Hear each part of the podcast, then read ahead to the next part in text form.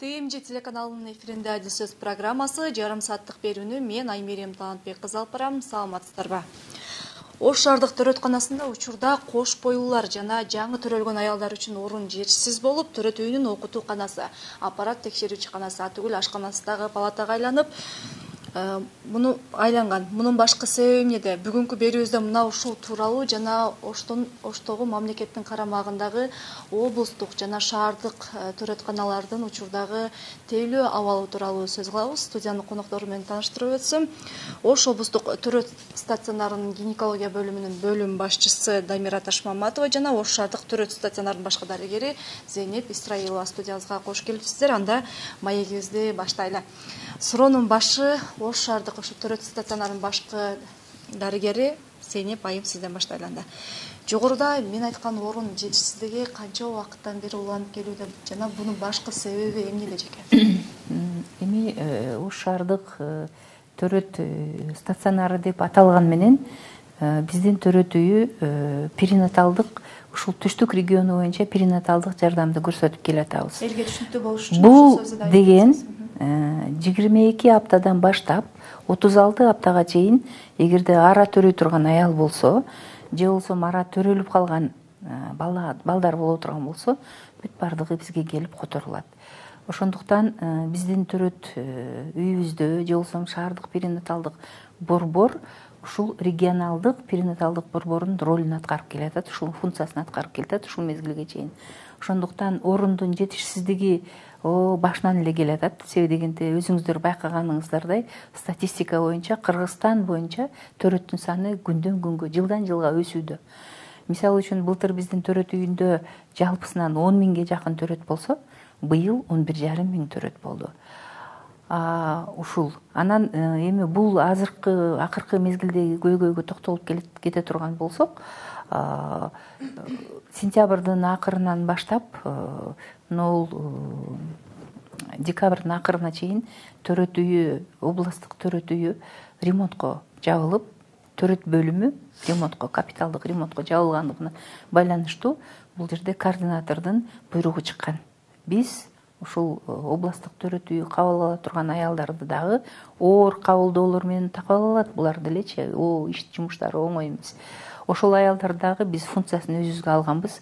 Ал жерде э, баягы орундун жетишсиздиги биринчиден э, негизги маселеси жанагындай квалификациялуу кадрлар менен обеспечение кылышы камсыз кылышыбыз бул областтык төрөт үйүнүн башкы дарыгери менен сүйлөшүлүп биз ал жерде сегиз акушердик пост эки медсестралык пост и үч акушер гинекологиялык пост и бир анестезиологиялык пост организовать эткенбиз то есть биз булардан кайра жардам алганбыз да.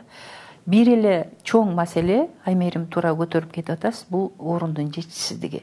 Туура айтып атасыз төрөгөн аял төрөгөндөн кийин бир үч төрт сааттан кийин ордунан туруп тамак аш жеш үчүн ашканага барыш керек. А биздики кандай болуп атат? Ошо отурган жеринде эле тамак ашын жейт. Бул көйгөйдү биз келгенден бери эле бир төрт жылдан бери беш жылдан бери эле көтөрүлүп келип атат. Ошого байланыштуу биздин жаныбыздагы азыркы жеке менчик э, клиникага берилип кеткен. Буга чейин э, агентство по контролю за наркотиками акн деген мамлекеттик уюмга берилип кеткен имаратты алууга аракет кылып ошонун негизинде э, шаардык кеңешке кайрылганбыз шаардык мэрияга кайрылганбыз. Ошонун негизинде шаардык э, кеңеш ош шаардык кеңеши бизге отуз биринчи октябрь отуз жетинчи токтому менен э, бекитип берилген. Ошол акндин бошотулган имараты ош шаардык төрөт үйүнө которулуп берилсин өткөрүлүп берилсин деп. Бирок кандайдыр бир себептер менен ал имарат азыркыга чейин бизге өткөн жок.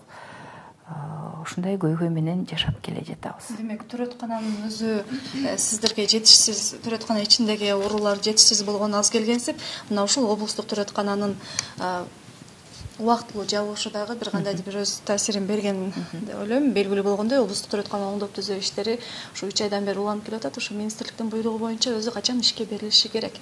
Азыр кычыраган кыштын күнүндө кош бойлуулар көңүл сыртында калып калган жокпу туура айтасыз. Негизи ремонт иштери биздин план боюнча август айында башталмак. Бирок баардык нерсе каржыга байланыштуу болот. Өзүңүз билесиз ошол себептүү япониялык гранттын негизинде юнисеф организациясы аркылуу ремонт иштери өткөрүлүп жатат. Августка пландаштырылган ремонт иштери боюнча төрт жолу тендер өткөрүлүп тендердин жыйынтыгы бузулуп документациялардын туура эместигинен дагы башка себептерге байланыштуу тендердин жыйынтыгы бузулуп анан ушул октябрь айына келип такалды. Бул эки миң он тогузунчу жылга бөлүнгөн каржы ушул жылы өздөштүрүлүш керек экен. Эки миң жыйырманчы жылга өтпөй. Ошол себептерге байланыштуу күндүн суук болгонуна карабай ремонт иштерин өткөрүүгө туура келди приказ боюнча төртүнчү октябрь он тогузунчу жылы эки жүз экинчи приказдын негизинде жетинчи октябрдан экинчи декабрга чейин ремонт иштери аяктамак.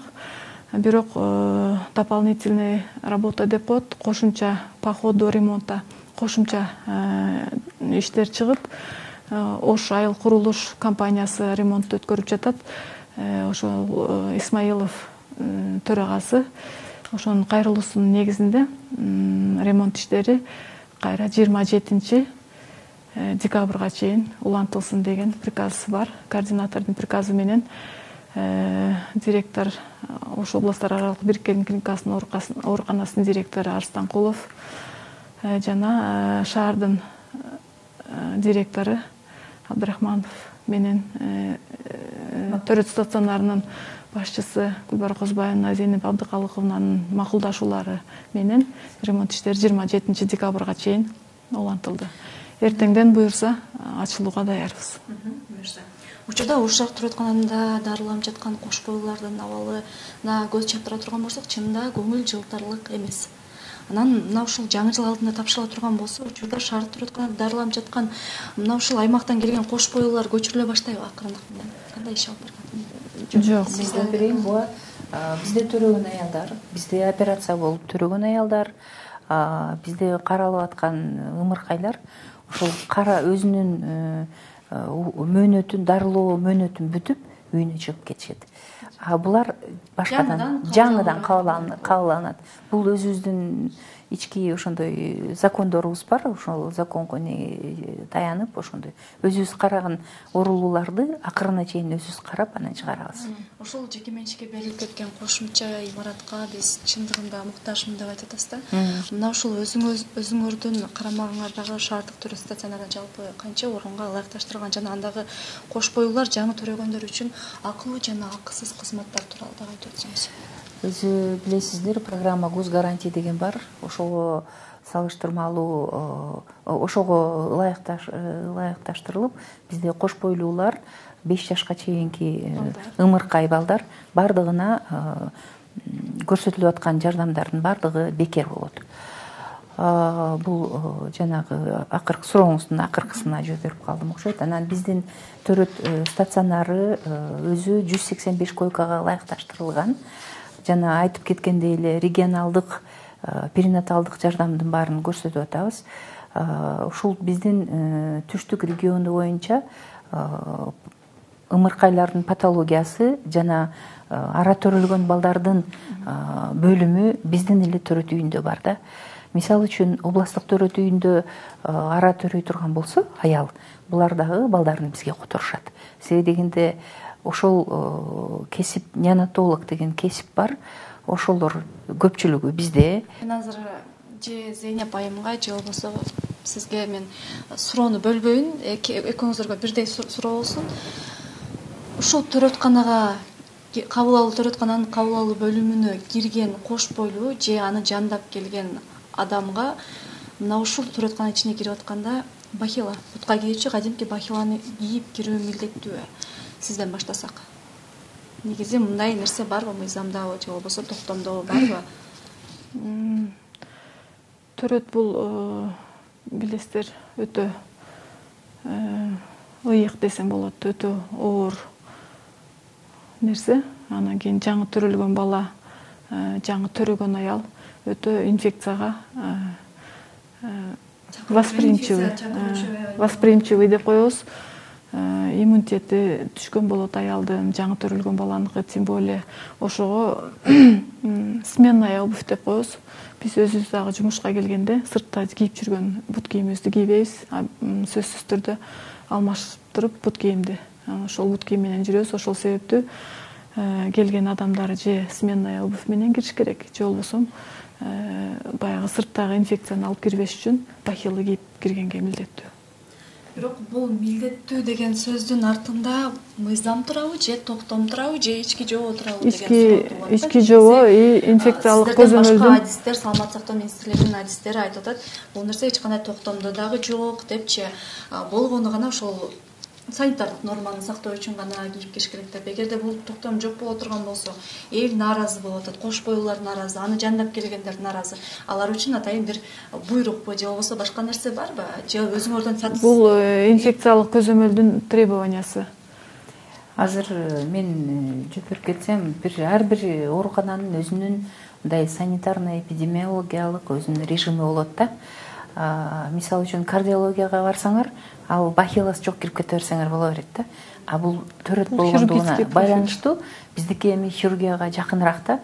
Мисалы үчүн эгерде биздин төрөтүбүздүн жалпы санын ала турган болсок булардыкы деле биздики деле он беш пайызга жакын. То есть жаракат алып ичин жардырып жаткан аял анан кийин киндигин эми эле кесип жаткан ымыркайдын жанына жанагы көчөдө жүрүп эми кечирип коесуздар аяк биякта басып жүргөн бут кийим менен кирип анан ошол эле сырткы кийим менен кийгени биз кичине өзүбүздү этият кылабыз да.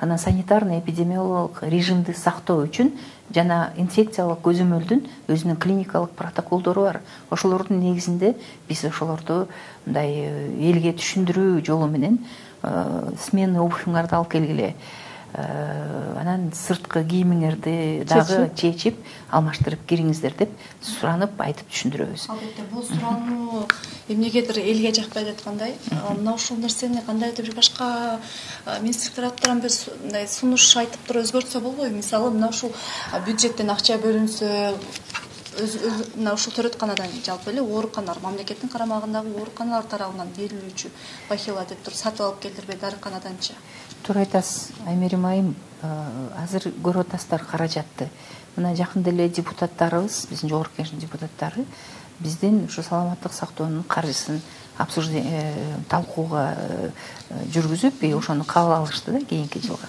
И кандайдыр мына гемодиализди дагы башканы башканы талкуу кылышып анан ошондо алып келгенде э, э, изделие медицинского назначения деп коет да эми ошонун ичине киргизсек болот бирок деген бул деген дагы каржы менен байланыштуу да. Ошол эле бахиланы сырттан беш сомго өзү алып келген оңойбу жеңилби же болбосо биз ошол беш сомду киргизип ал беш сомдун ордуна же болбосо дагы башка ушулго алган акчанын ордуна башка дары дармек алып койгонубуз оңойбу ушул жагын дагы караштырсак жакшы болот да. Ошон үчүн анан э, жанагы элдин нааразычылыгы көбүнчөсүнөн биздин төрөтүйүндө мен өзүмдүн төрөтүйүбүз жөнүндө жооп бере турган болсок бизде эми өтө оор ымыркайлар жатат да. Анан эми билесиздер э, төрөт э, менен байланышкан оор кабылдоолор анан ымыркай э, оор болуп жаткан мезгилде элдин жанагы нервный системасы дагы өтө на грани болот да. Жукараак болуп калат да. Ошондуктан биздин ашыкча бахила кийип кириңиз өзүңүздүн балаңыздын кызыкчылыгы үчүн ошол аялыңыздын кызыкчылыгы үчүн ден соолугу үчүн десек ошолорго ошол ашыкча болуп кетип атат да. Ошондуктан мен ойлойм что баягы информационный блок деп коет да информациялык блок ушул э, агартуу элдин аң сезимин ошол мезгилге жеткизишибиз керек да. Көбү түшүнөт түшүнөт дагы туура менин балам үчүн менин аялым үчүн жасалып аткан жумуш дейт дагы без проблем ошого мындай жакшы көңүл менен бирок баары эле эмес беш баары эле эмес туура айтасыз облустук төрөткана капиталдык ремонтко толугу менен даяр деп жогоруда айтып өтүп кеттиңиз ал эми бул бахила маселеси кандай болуп атат? Сиздерде сырттан кадимки эле келген кабыл алуу бөлүмүнө келген кош бойлуу жана аны жандап келгендер баары эле сырттан кадимки эле дарыканадан алып келеби же кандайдыр бир шарттар түзүлөбү алар үчүн. Бизде э, фирма кайсы фирма экени эсимде жок коюп кеткен баягы азыр э, заманбап беш сом салсаң эме шарик түшөт го. мына ошондой система киргизилген ооба. Экен. Анын бир сому бизде төрөт стационарында же обул больницада калбайт. Ошол фирма өзү алып келип өзү коюп төгүнгөндө чакырабыз келип салып кетишет түшүнүктүү зейнеп айым эсиңизде болсо ош шаарынын мэри ушул жылдын эки миң он тогузунчу жылдын башында шаардык төрөт үйүнүн оңдоп түзөө иштерин колго алабыз деген бир сөзү бар болчу келип кеткен болчу. Эгерде эсиңизде болсо мына ушул сөз качан аткарылат? Кандай колдоолор болот ооба туура айтасыздар э, ушул эки миң он тогузунчу жылдын апрель айында биздин шаарыбыздын мэри ушул ош шаардык төрөт үйүнүн акыбалын жакындан таанышайын деп келип обход кылып ошол аял ар бир аял менен сүйлөшүп ар бир ымыркайга көңүл бөлүп кеткен. Ошол мезгилде биздин эң бир ыйыктан ыйык болгон төрөт бөлүмүбүз бар.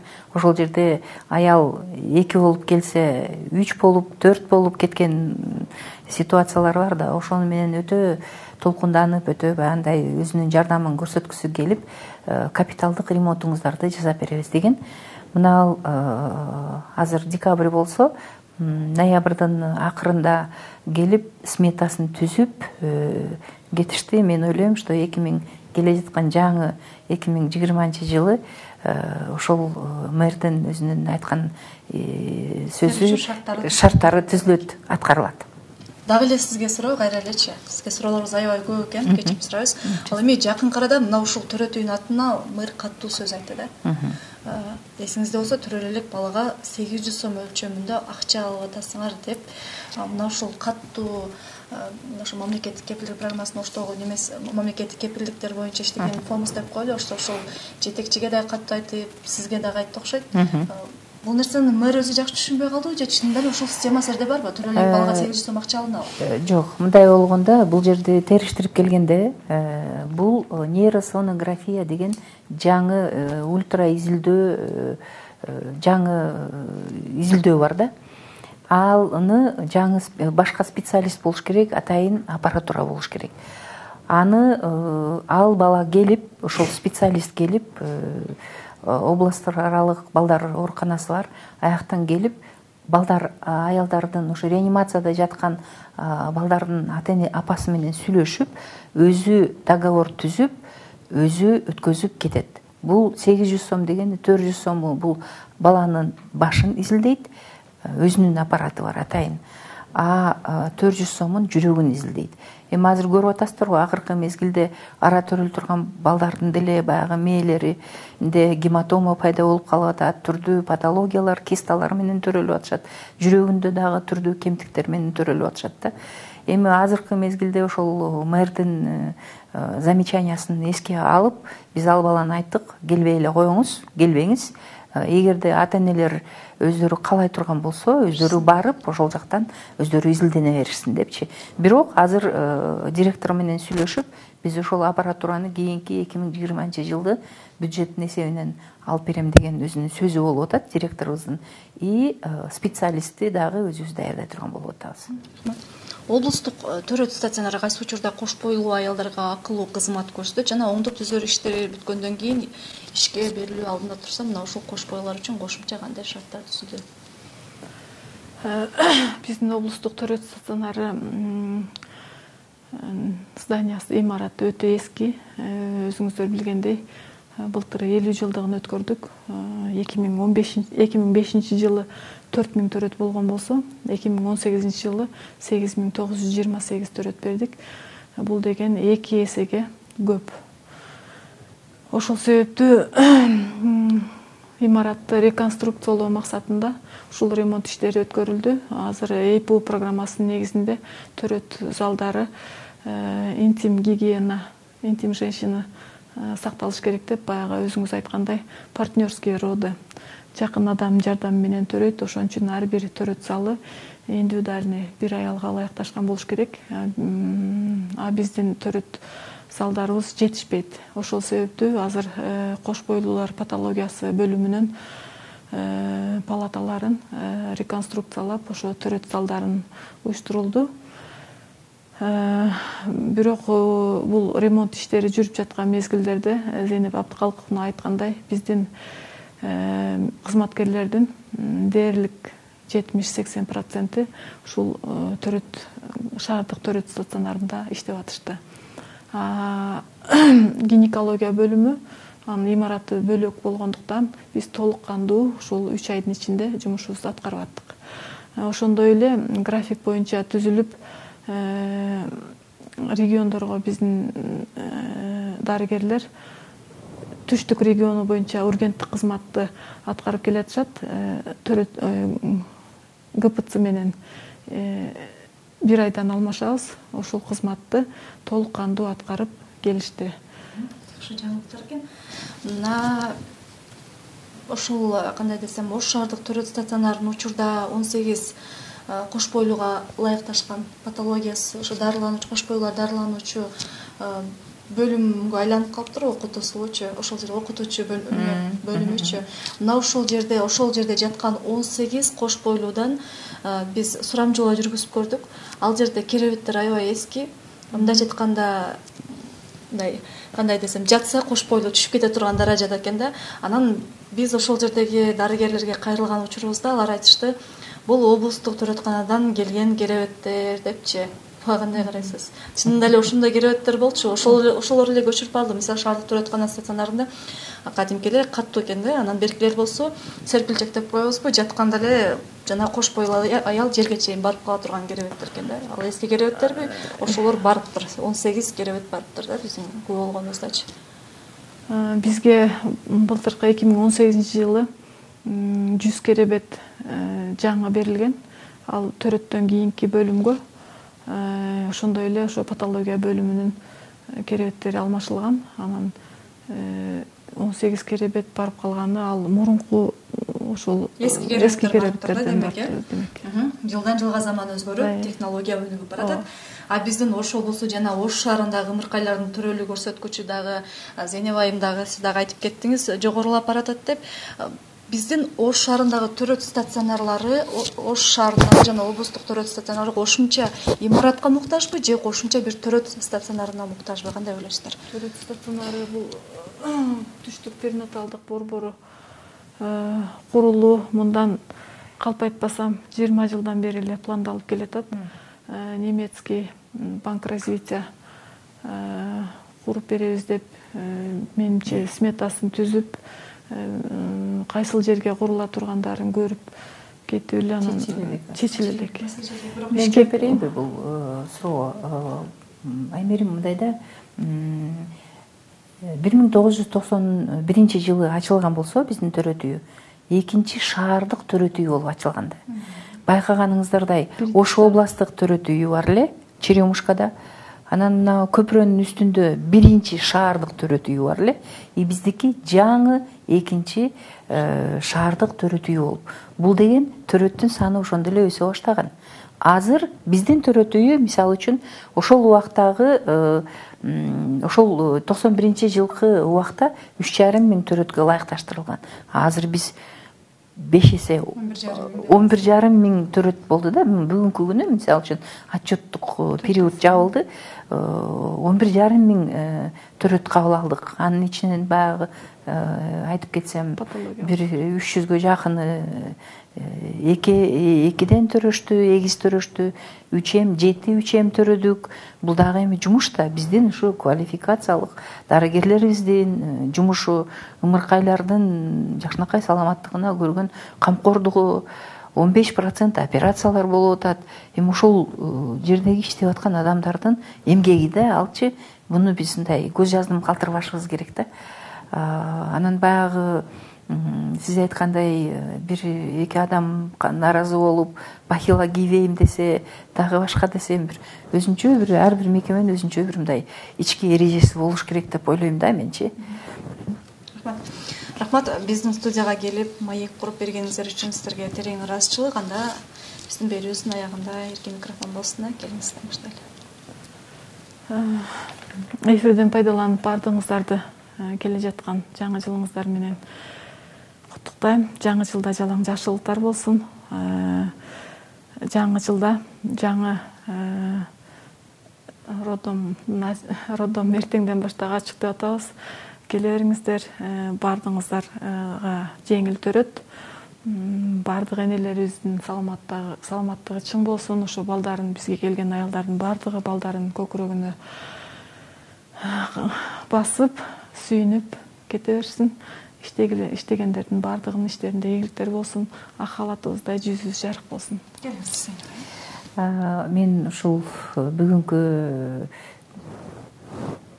көрсөтүү менен пайдаланып аймерим биринчиден сизге рахмат айткым келет. Себеби дегенде өтө көйгөйлүү маселени көтөрүп атасыз. Медиктерге карата өтө негатив көп. Бирок ушу сиздин передачаңыз сиздин көрсөтүүңүздөй мындай көйгөйлөрдү көтөрсөк элдин дагы түшүнүгү башкача болобу деген ой. Рахмат сизге. Анан элибиздин баардыгын мен келе жаткан жаңы жыл менен куттуктагым келет. Келе жаткан жаңы жыл жакшылыктардын жылы болсун ийгиликтердин жылы болсун. Бизге кайрылган төрөт боюнча кайрылган же болбосо ымыркайынын саламаттыгы боюнча кайрылган адамдардын баардыгы ушул өздөрү каалагандай муктаж болгонундай ошо муктаждыгына ылайык жардам алышсын деп кааламакмын. И биздин өзүбүздүн медиктерди ыраазычылык билдирип ушунчалык кыйын акыбалда ушу биздин ак халат кийген медиктер иштеп атышат. Ошолорду ушул жүзү жарык болуп элдин астында жакшы жардам көрсөтүп ушул элге жакшылык тартуулаганы аларга дагы саламатчылык каалайт элем да. Мына ушуну менен берүүбүз өз соңуна чыкты кайрадан эфир аркылуу көрүшкөнчө сак саламатта калыңыздар